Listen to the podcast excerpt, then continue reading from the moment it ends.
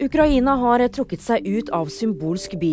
Byen Avdivka har vært under hardt russisk press, og nå trekker ukrainerne seg helt ut for å unngå at de blir omringet, ifølge forsvarssjefen. Byen har vært eh, symbol på ukrainsk motstandskamp helt siden 2014.